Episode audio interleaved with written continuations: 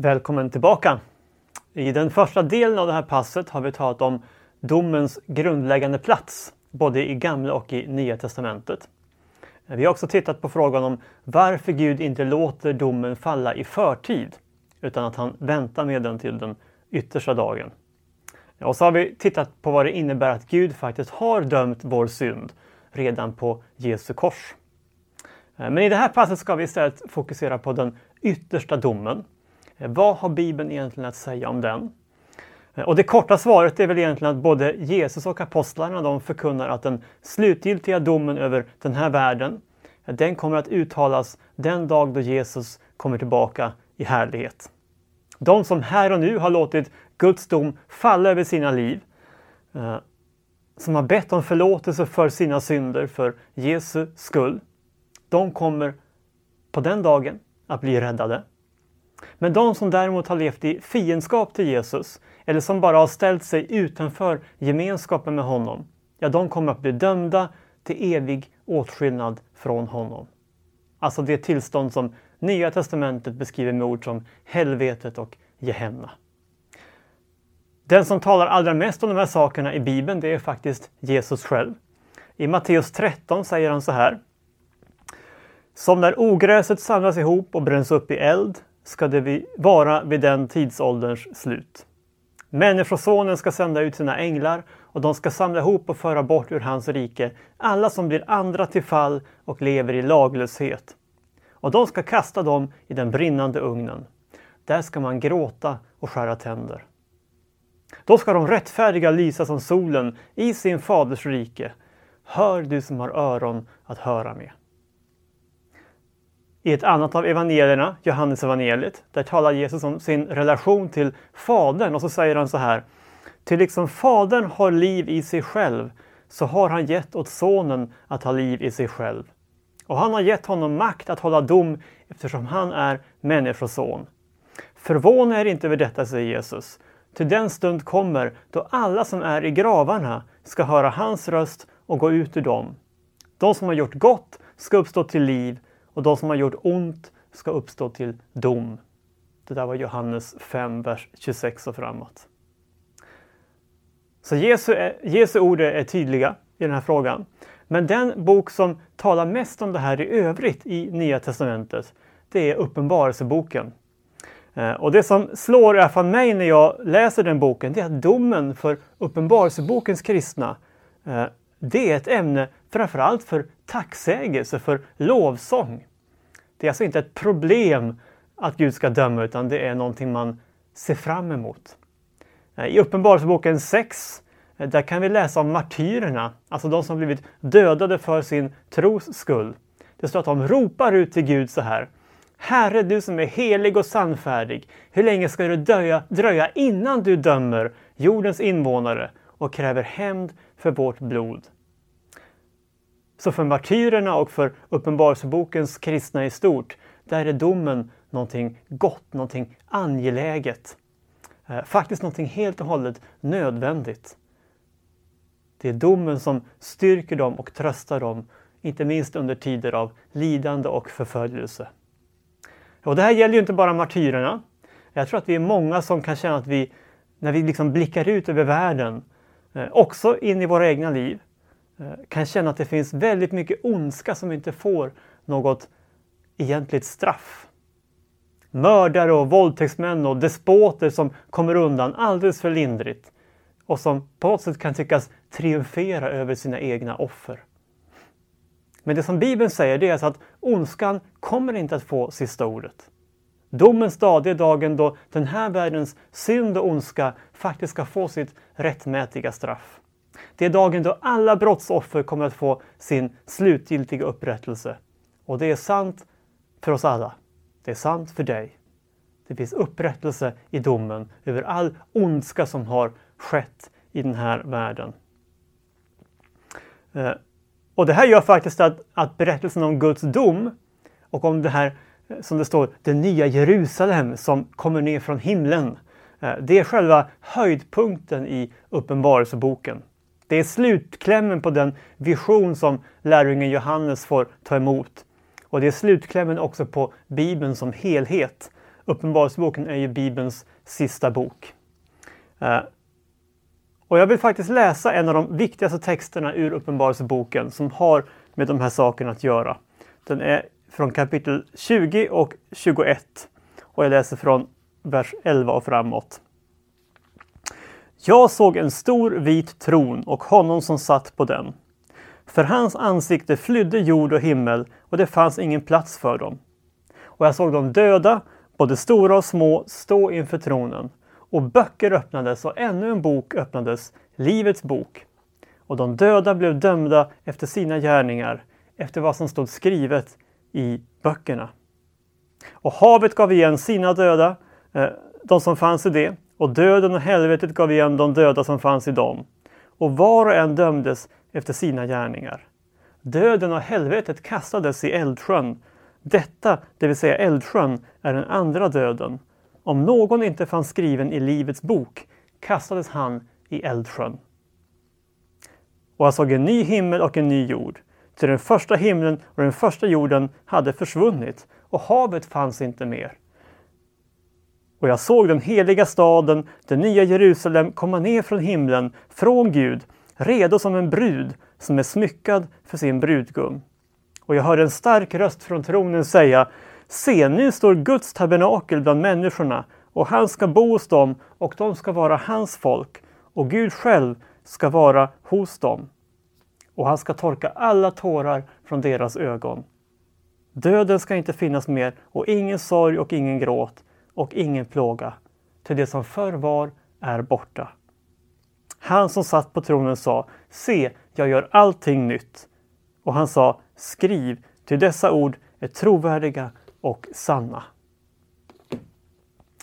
En mäktig bibeltext som också har inspirerat mängder av kyrkmålningar, inte minst i de här gammaldags katedralerna, eh, takmålningar av den yttersta domen, både med helvetet och himlen. Men vad är det egentligen vi får veta i Johannes text? Eh, ja, allra först kan det vara bra att säga några ord om vad som händer i kapitlen innan faktiskt. Eh, för där kan vi läsa om hur Guds dom faller, först över Babylon och sen över den sataniska treenigheten. Alltså djävulen, odjuret och den falske profeten. Det som är symboler för ondskan i Uppenbarelseboken. Eh, det här är en bok med väldigt mycket symboler och även Babylon är ett täcknamn för Rom. Och man kan säga att det står som en sinnebild för den här världens ondska och girighet och moraliska förfall.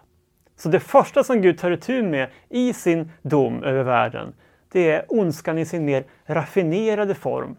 Eh, först då i form av ett korrumperat, ett förtryckande samhällssystem. Det är det som Rom står för. Och sen i form av de demoniska makter som ligger och lurar bakom det som sker i den synliga världen. Och där har vi den sataniska treenigheten. Och med lite mer modernt språkbruk kanske man kan säga att det första som en gång ska drabbas av Guds dom, det är den strukturella ondskan. Den som liksom finns inbyggd i systemet, det som vi människor har kört fast i och, och som vi kanske inte alltid kan bena ut exakt vad som är vad i. Men som inte minst visar sig i de klassiska frestelserna pengar, sex och makt. Ett helt samhällssystem som är korrumperat och där pengar, sex och makt missbrukas för felaktiga syften. Det är vad Rom eller Babylon symboliserar. Och den strukturella ondskan är det första som ska drabbas av Guds dom enligt Uppenbarelseboken. Efter det kommer den personliga eller demoniska ondskan in i bilden. Även den ska underkastas Guds dom.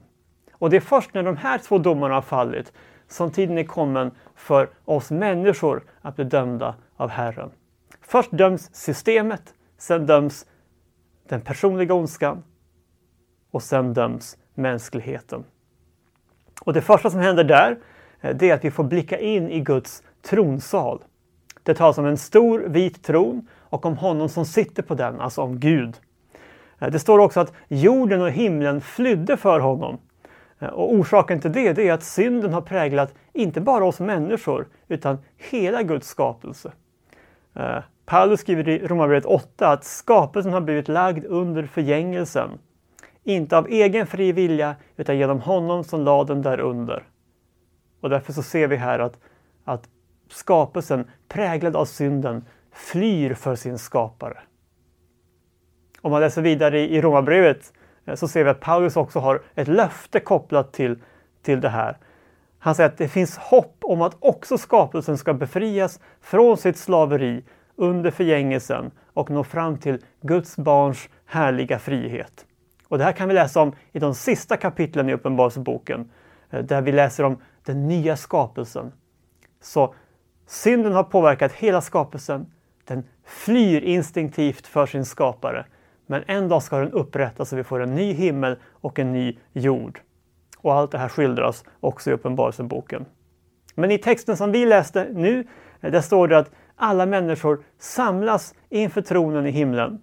Både höga och låga står det, alltså oavsett rikedom, oavsett social status.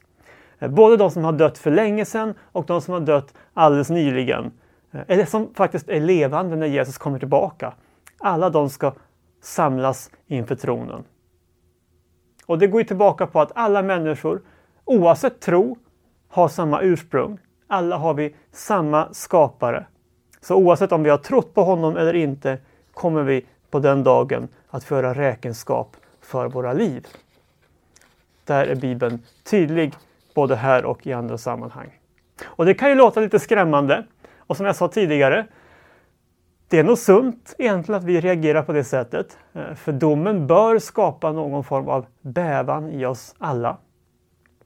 Men som vi också varit inne på så är det här eh, ett av de i särklass tydligaste uttrycken för vårt unika värde som människor.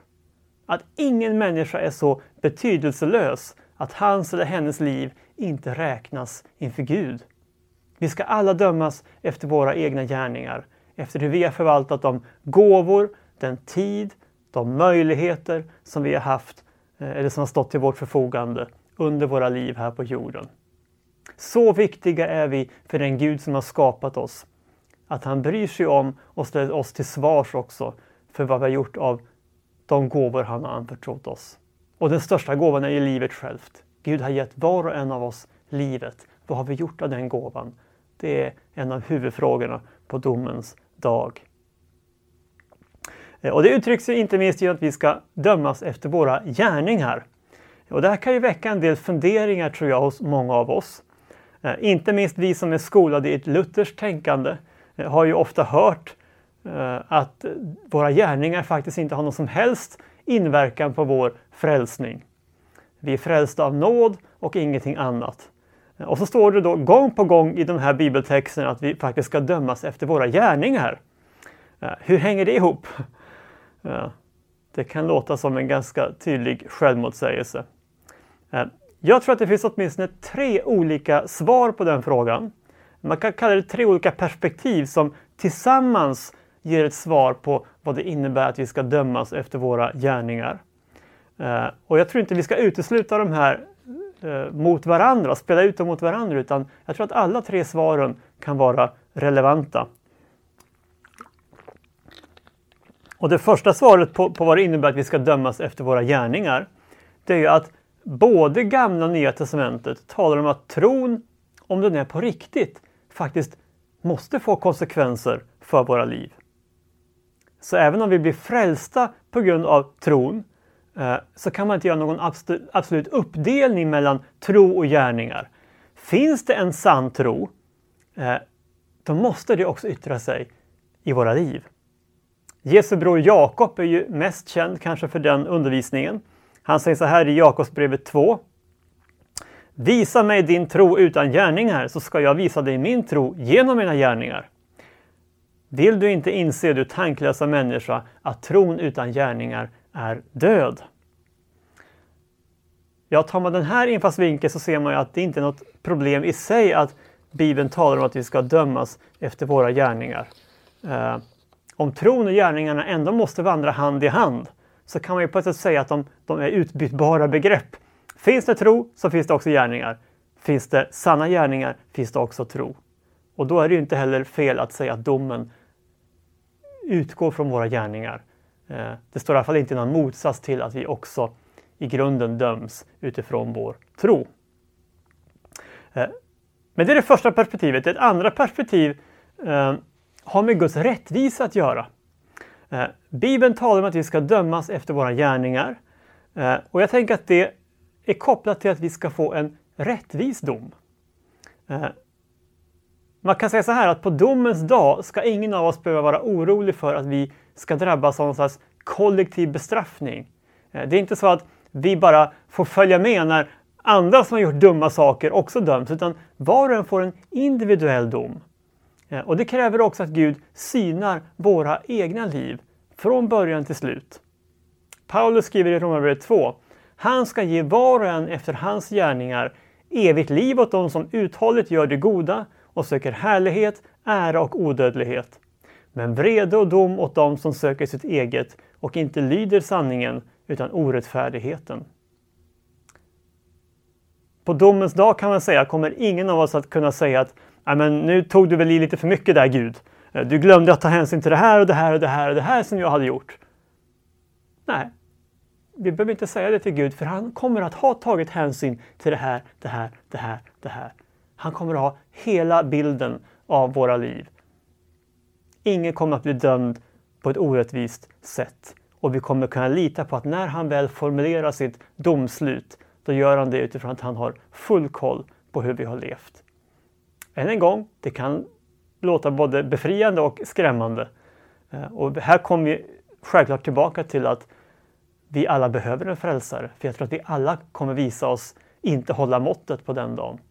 Men om vi bara tar perspektivet av Guds rättvisa är det här helt avgörande. Jag kommer dömas utifrån mina egna förutsättningar, utifrån mitt eget liv, mina egna gärningar. Men så har vi också en tredje infallsvinkel här som jag tror är, är också väldigt viktig. Eh, och jag tror som sagt att alla de här tre perspektiven går att kombinera. Och det är att de gärningar som på ett särskilt sätt ska premieras på den yttersta dagen, det är inte egentligen våra egna gärningar, de vi har gjort i vår egen kraft, utan det är Jesu gärningar genom oss. Det Jesus har gjort genom oss, det ska lyftas fram och få sin rättmätiga belöning. Paulus skriver i Galaterbrevet 2, vers 20 att nu lever inte längre jag, utan Kristus lever i mig. Och med det syftar han på den helige Andes verksamhet i och genom alla oss som tror på Jesus. Gud själv har genom sin Ande en förmåga att kunna använda oss för sina syften. Så att faktiskt hans gärningar blir synliga också genom våra egna liv. Hans kärlek blir synlig, hans kraft, hans vishet. Vi blir kanaler kan man säga för Guds handlingar. Och det som Gud ska belöna på den yttersta dagen kan man då säga, det är inte i första hand vad vi har gjort i oss själva eller att vi är så duktiga i oss själva. Nej, det som ska belönas och lyftas fram på den yttersta dagen, det är att vi har ödmjukat oss och låtit honom få ett inflytande över våra liv. Att vi har ställt oss under Jesu herravälde, blivit kanaler för hans kraft. Och när Gud lönar oss efter våra gärningar så är det i praktiken Kristi gärningar han lönar. Men det innebär ju också att vi faktiskt kan förbereda oss för den här dagen. Vi kan påverka den genom att ställa oss till Jesu förfogande. Och ju mer vi faktiskt står till hans förfogande, ju mer vi får bli kanaler för hans handlande, desto större eh, glädje kommer det ge på den yttersta dagen. Och faktiskt kommer också Jesus att bli förhärligad genom oss ännu mer konkret när vi har ställt oss till hans förfogande här på jorden. Eh, och jag tror faktiskt att det värsta vi kommer kunna höra på den yttersta dagen, det är att vi istället för det här får höra att det finns inga Kristi gärningar i ditt liv. Ditt liv har bara kretsat kring dig själv. Du har bara dina egna gärningar att visa upp, ingenting av Jesu gärningar. Det vill ingen av oss höra på den yttersta dagen. Men allt det här var ett sätt att förklara vad som döljer sig bakom det här uttrycket att vi ska dömas efter våra egna gärningar. Alltså för det första att vår tro och våra gärningar behöver hänga ihop. Det är vad Nya Testamentet lär oss och Gamla med för den delen. Att en rättvis dom förutsätter att Gud faktiskt har koll på alla våra gärningar och dömer oss i enlighet med dem. Och för det tredje då att det som djupast sett ska belönas på den yttersta dagen, det är faktiskt inte våra gärningar för Gud, utan det är Guds gärningar genom oss. Och det är faktiskt så att om vi läser till i Uppenbarelseboken, den text som vi, vi läste här tidigare, så ser vi att inte heller Johannes anser att det är våra gärningar i sig som kommer avgöra var vi till slut hamnar. Om vi kommer till det nya Jerusalem, himmelriket, eller om vi kastas i den brinnande sjön, helvetet. Eh, visserligen så talar Johannes om de här böckerna där våra gärningar finns upptecknade eh, och som vi kommer att bli dömda utifrån. Eh, så vi ska få en rättvis prövning helt avpassad till våra egna förutsättningar. Men om vi läser till så ser vi att det som i slutändan gör att vi blir räddade från förtappelsen, det är inte det som handlar om våra egna meriter eller vad vi kan hänvisa till i gärningarnas bok. Utan de som blir räddade, säger Johannes, det är de som har sina namn skrivna i Livets bok. Och det är en annan bok faktiskt. Livets bok den handlar om alla som tror på Jesus Kristus. Han som är vägen, sanningen och livet. Så ja, våra gärningar spelar roll. Ja, vi ska dömas efter våra gärningar. Men frälsningen, den handlar om att ha sitt namn skrivet i Livets bok. Och det är frånkopplat våra gärningar i övrigt. Det handlar om vår personliga tro på Jesus som vår Herre och Frälsare. Och det är helt klart så att eh, den som står i centrum hela tiden i Nya Testamentets beskrivningar av den yttersta domen, det är Jesus själv. Det är han som ska sitta på domarsätet. Det är han som kommer att vara ljuset i det nya Jerusalem, står det också när man läser vidare i Uppenbarelseboken. Han är centralpunkten. Och Jesus själv säger i Johannes 17 och 3 detta är det eviga livet, att de känner dig, den enda sanne guden och honom som du har sänt, Jesus Kristus. Jesus är livet. Jesus är essensen i det nya Jerusalem. Och det är därför relationen till honom är så avgörande. Det är den relation vi har till honom här och nu som vi faktiskt får fördjupas i, i den himmelska världen. Och då är vi egentligen på nytt tillbaka där vi började. Jag vill bara kort återknyta till Awin och hans bror. Ehm, om det hade varit så att vi alla automatiskt hade haft våra namn skrivna i Livets bok, då hade det varit helt meningslöst att vittna för personer som Awin. Sådana som redan är ganska nöjda med sina liv som det är, eller som riskerar förföljelse och till och med martyrium om de fattar beslutet att bli kristna. Ehm, men som det nu är, så vet vi att relationen till Jesus faktiskt är helt avgörande. Och därför har du och jag blivit anförtrodda ett fantastiskt uppdrag. Och det är att med Guds hjälp få vara med och bidra till att så många människor som möjligt en dag ska få ta del av den himmelska glädjen. Saliga är de som är bjudna till Lammets bröllopsmåltid, säger ängeln i Uppenbarelseboken 19 och 9. Och det som avgör om vi en dag ska få ta del av den, det är om vi här och nu har fått ta emot Jesus som vår Herre och Frälsare. Ta gärna lite tid när vi är klara och läs de här texterna i Uppenbarelsebokens slut och se vad de faktiskt säger. Eh, och här och nu kan vi också avsluta med en bön. Jesus, jag tackar dig än en gång för ditt ord. Tack att det är ett levande ord med ett levande budskap. Och Herre, det vi har talat om nu, det är både utmanande och befriande. Hjälp oss att ta in det på rätt våglängd. Att våga lita på vad du själv har uppenbarat om den yttersta domen. Och låt det också sporra oss att leva i ljuset av vad som en dag ska komma. I ljuset av den dom vi alla en dag ska underkasta oss. Och jag ber särskilt att du också ger oss modet att vittna om vår tro för andra. Så att så många som möjligt ska kunna se fram emot den dagen med förväntan, med glädje. Precis som Uppenbarelsebokens kristna hoppas på domen. Herre, låt oss alla få hoppas på domen. Och låt oss få många människor med oss inför den vita tronen som redan nu bekänner dig som Herre och Frälsare. Vi ber i Jesu namn. Amen.